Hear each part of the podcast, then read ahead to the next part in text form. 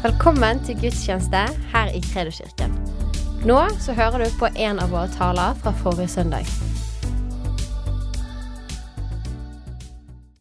Ja, kjære venner. Nå nærmer det seg jul, og du som følger med deg bak skjermen, er sikker på at det er julestemning rundt deg nå, eller i hvert fall i ferd med å bli det.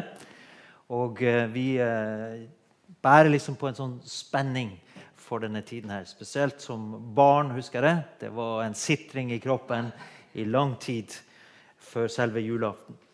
Men det er en fantastisk historie som Bibelen forteller rundt det som har med Jesus sin fødsel å gjøre. Og Det er også en unik mulighet til å formidle hvem Jesus er til folk som ennå ikke kjenner. Jeg ser ute blant folkeslagene i Sørøst-Asia benytter de julen. Buddhistene er veldig åpne for å komme og høre om Jesus i julen. Det samme ser vi i Midtøsten. Når jeg deler dette med deg nå, så har vi nettopp avslutta en konferanse for kødere på Zoom. og Da sitter de i Tyrkia, Nord-Irak og noen fra Iran. Så underviser vi dem om Bibelen sitt budskap og hjelper dem til å på en måte feire julen. Altså Det er første generasjon som er troende. Og de skal lære seg å feire julen ut ifra sin kultur og hvordan de kan kommunisere dette fantastiske budskapet til sitt folk i sin egen kultur. Vi ønsker ikke at de skal ta, overta en vestlig julefeiring, men de må skape noe. Og Det er en spennende prosess som vi gleder oss over. Noen andre som virkelig møtte den gode guden i julen, det var jo gjeterne som var på, på marken. Hvem var de første? Jo, De var jo gjerne litt sånn utenfor samfunnet. De var absolutt på bånn men Gud åpenbarte at i dag er det født en frelser i Davids by. Kristus, Herren. De var de første som fikk vite det. Og det, Du ser jo det for dem hvordan de slapp alt. De overlot sauene til englevakten, og så bare løp de inn til Betlehem for å se dette barnet. Ikke sant?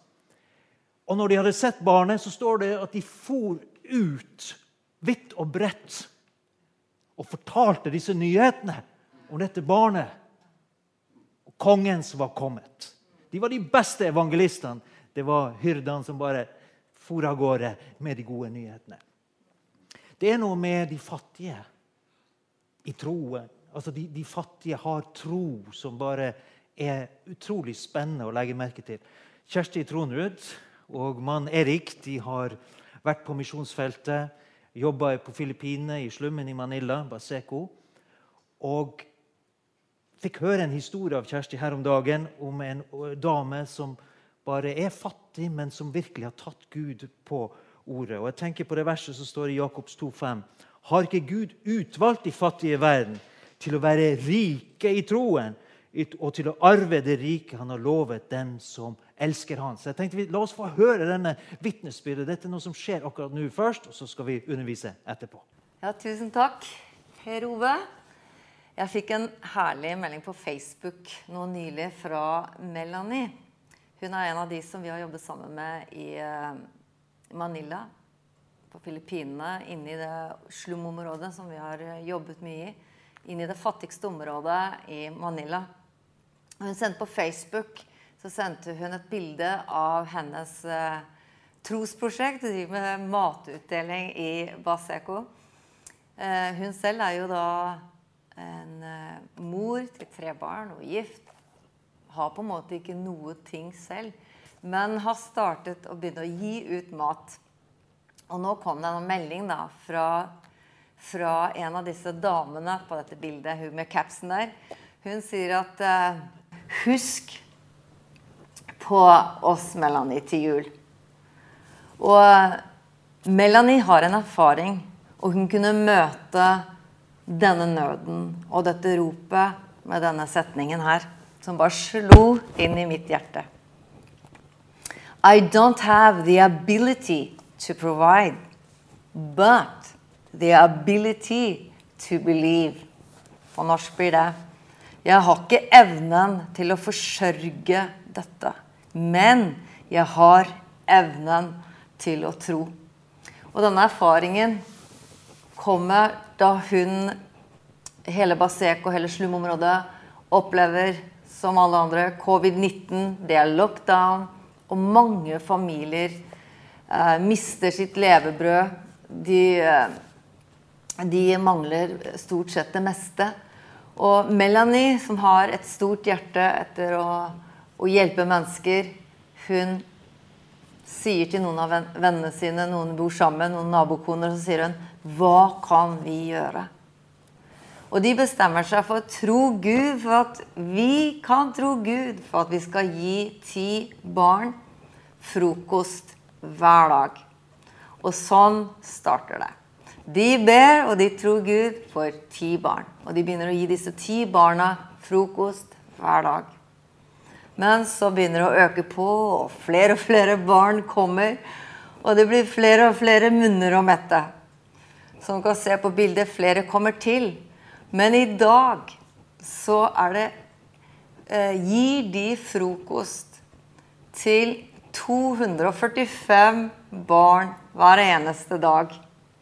Og det begynte med at de sa Vi har ikke evnen, vi har ikke muligheten til å forsørge dette behovet.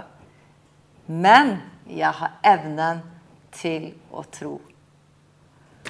Og Melanie har mange, mange historier å fortelle hvor hun ikke har hatt mulighet i seg selv, men hvor hun kjenner en Gud som har og kan og evne.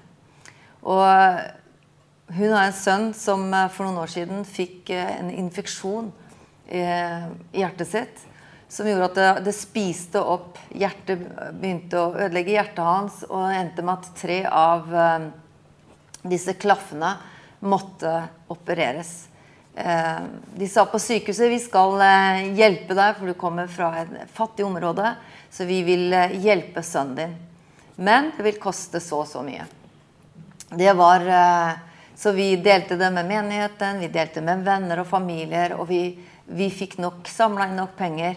Men sykehuset, de, de gjorde ikke noen operasjon på han. Melanie ga ikke opp. Hun fortsatte tro. Vi fortsatte å be. Men det så som André ble bare verre og verre og verre og verre. Og Melanie har fått en jobb eh, hvor hun er guide. Inn i, eh, tar med seg folk som ønsker å få en guida tur inn i slummen. Og eh, på en av disse guida turene så treffer hun en businessmann som blir interessert i familie, begynner å snakke og får høre om André. Og han får så hjertet for André og sier, 'Vet du hva, jeg skal hjelpe André'. Og han er mann for sitt ord. Det ender med André havner på operasjonsbordet, blir operert. Og i dag er han frisk. Han kan gå på skole, han kan bevege seg. Og et mirakel har skjedd. Og igjen et vitnesbyrd om at der hvor det er umulig, der det ikke er noe håp, der ikke vi kan strekke til, der har vi blitt gitt gjennom Jesus Kristus tro til at vi kan strekke oss ut og si Gud, du kan. Du er i stand til å gjøre det. Så det, dette var bare et herlig vitnesbyrd om at Gud kan, og vi, du og jeg, vi har blitt gitt tro gjennom Jesus Kristus til å tro ham for det umulige. Ja, dere er en fantastisk historie om hva som skjer akkurat nå. Og det var noen andre som trodde på det som Gud åpenbarte deg. Og Jeg har lyst til å lese denne fortellingen i Bibelen om de vise menn, eller menn som kom fra øst, for de hadde sett en stjerne. En fantastisk historie. Går vi til Matteus evangeliet, kapittel 2, fra vers 1 til 12. Da Jesus var født i Betlehem i Judea, på den tiden Herodes var konge, kom noen vismenn fra Østen til Jerusalem og spurte hvor er jødenes konge som nå er født? Vi har sett stjernen hans gå opp, og vi er kommet for å hylle ham. Da kong Herodes hørte det, ble han svært urolig, og hele Jerusalem med ham. Han kalte sammen alle oversteprestene, folkets skriftlærde, og spurte dem ut om hvordan eller, og hvor Messias skulle bli født. I Betlehem i Judea, svarte de, for slik står det skrevet hos profeten. Du Betlehem i Juda land, er slett ikke den ringeste av fyrstene i Juda. For fra deg skal det komme en fyrste som skulle være hyrde for mitt folk Israel. Da kalte Herodes vismennene til seg i all stillhet og spurte dem nøye ut om tiden da stjernen hadde vist seg. Så sendte han den til Betlehem og sa, dra av sted og forhør dere nøye om barnet. Og når dere har funnet det, så meld fra til meg, for at også jeg kan komme og hylle det. Da de hadde hørt kongens ord, dro de av sted. Og se, stjernen som de hadde sett gå opp, gikk foran dem inntil den ble stående over stedet der barnet var. Da de så stjernen, ble de fylt av jublende glede. De gikk inn i huset og fikk se barnet hos moren Maria. Og de falt på kne og hyllet ham. Så åpnet de skrinene sine, bar fram gaver til barnet, gull, røkelse og myrra.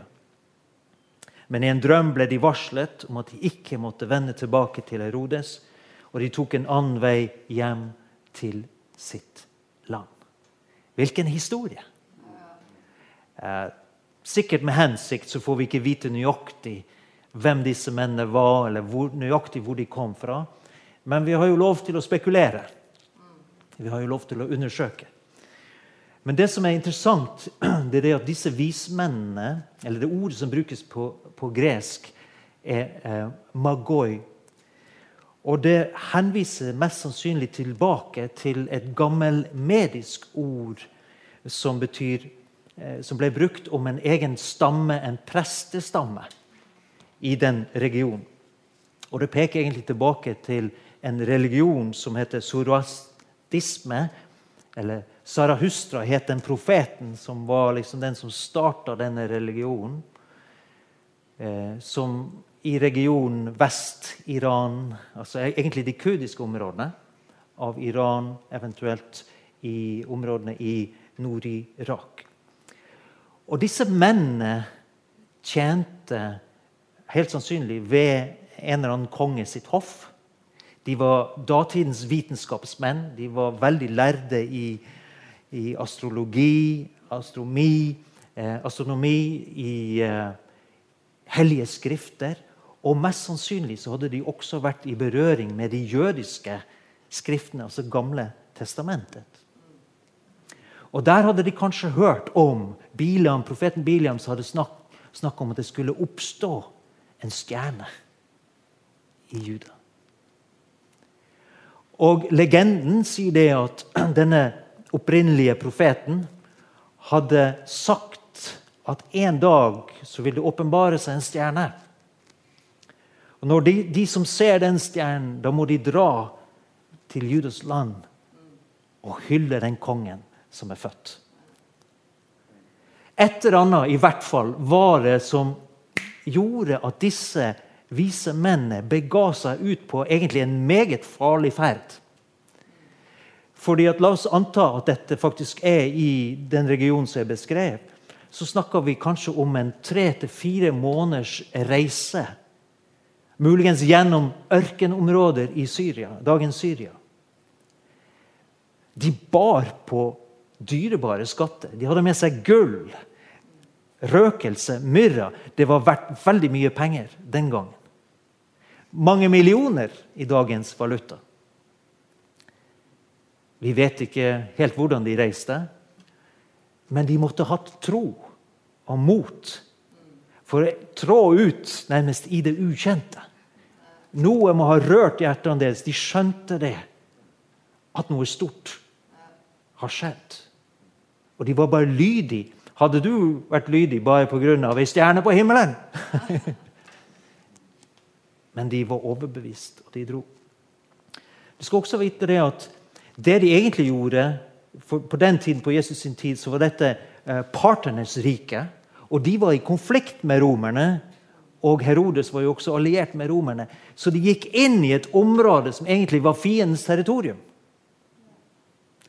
Politisk, militært kunne det også være risikabelt for dem å dra til Jerusalem.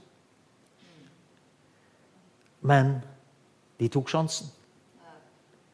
Og jeg tenker også mest til dette her at de egentlig, har, Det ser ikke ut som at stjerna viste seg for dem mens de reiste. De bare gikk i tro på det ene signalet fra Gud. Det er født en konge i Juda. Og Når de kommer til Jerusalem, hvor går de hen? Jo, de går til Herodes sitt slott. selvfølgelig. Det er jo der kongen fødes. Og så ser vi hvordan eh, Herodes og hele Jerusalem står det blir oppskaka fordi at en konge er født. Det er Jeg tenker på disse gavene som ble gitt, som kongene ga. Eller de vise mennene ga til Jesus. Har de noen betydning? Vi vet fra historien og inskripsjoner og sånt, det var egentlig ganske altså det, var, det var type gaver som han ga til en konge. Men tenk deg, nå går de altså fra et palass og til, en, til Betlehem og egentlig til ganske alminnelige fattigfolk. Men de har fått en åpenbaring. For på vei til Betlehem så viser stjerna seg igjen, og så ser det ut som at lyset skinner ned på huset der, der Jesusbarna og Maria er. da. Og de skjønte det. Altså, gull gir du til en konge. Og det står de falt ned og tilba ham.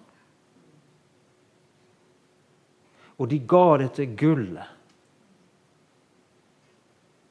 Store skatter ga de til ham. De ga også røkelse. Røkelse er jo noe du, som lukter, dufter godt, men det var alltid knytta til, til en tilbedelse av en guddom.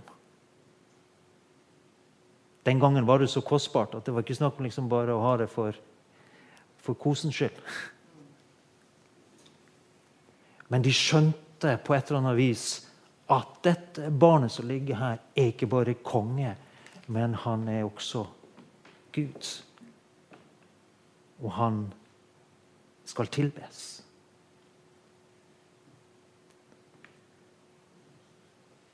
Og så dette med myrra. Det er også underlig. Hvorfor har de med myrra? Men det er også en, sånn, det er en deilig duft av myrra. Den kommer jo da av et spesielt tre i Arabia, Afrika. Og så er det kvaen, som de da tørker, eller når den kommer i kontakt med luft, så tørker det. Og så skaper det en spesiell god duft. Så dette treet tilhører da den eh, balsamtrefamilien, for å si det sånn. Så det brukes når de balsamerer.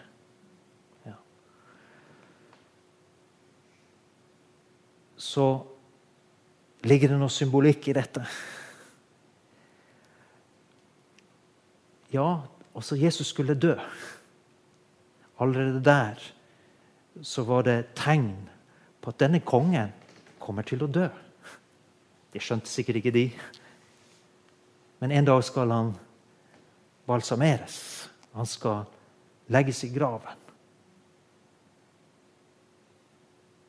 Men han skal gjøre det for en hensikt. Han skal frelse sitt folk, han skal frelse Israel. Han skal frelse verden. De vise menn skjønte helt sikkert ikke det, men de bare skjønte dette er verdens frelser. Han er ikke bare konge, han er ikke bare Gud, men han er kommet for å frelse oss. Han kommer til å berge oss.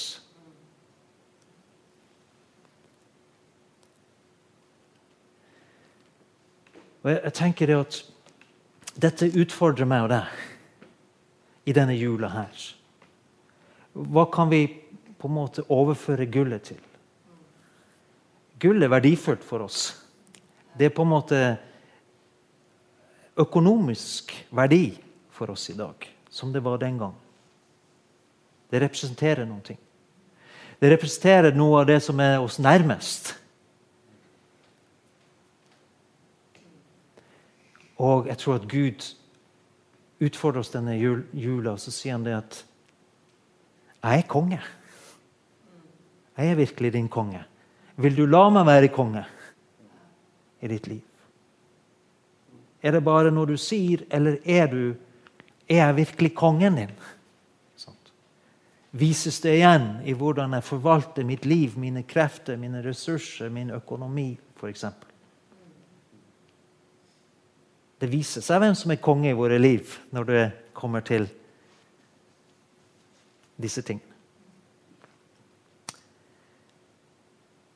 Jeg tror Gud utfordrer oss på røkelse, ser vi i Bibelen, er knytta opp til bønn, til tilbedelse av Gud. Kanskje utfordringen vår denne jula er jeg tror Gud utfordrer oss på å spørre hvem er din Gud? Hvem er det du tilber? Hvem er det du bøyer deg for? Hvem er det jeg bøyer meg for? Bøyer jeg meg for alle mulige meninger og menneskelige ideer og tanker og fristelser og press? Eller bøyer jeg meg for Gud? Bøyer jeg meg for Jesus? Bøyer jeg meg for Hans ord? Lar jeg Hans ord være sant i mitt liv, og lever jeg deretter? Og tilber og ærer Han med mine lepper, men også med mitt liv? Det er spørsmål som Gud stiller oss denne her jula. Og også denne myrren som på en måte peker på Jesus, var også et sant menneske. Han døde faktisk.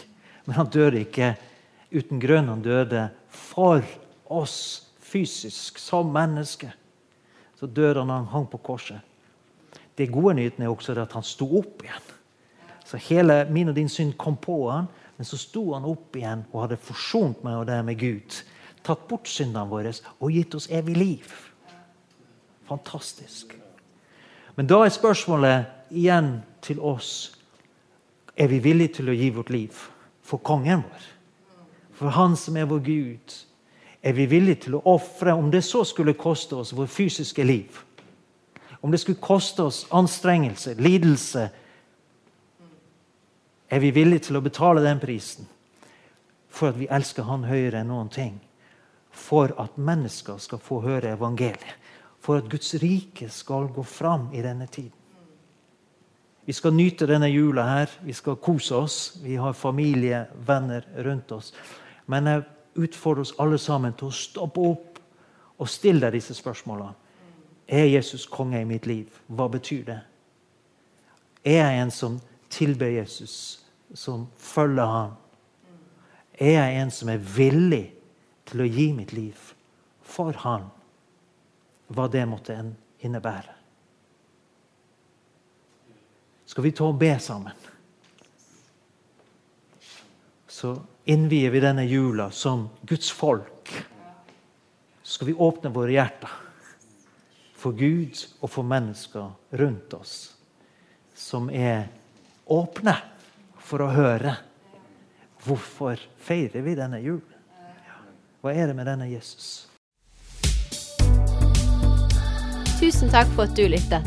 Følg oss gjerne på Instagram og Facebook, og så snakkes vi neste uke.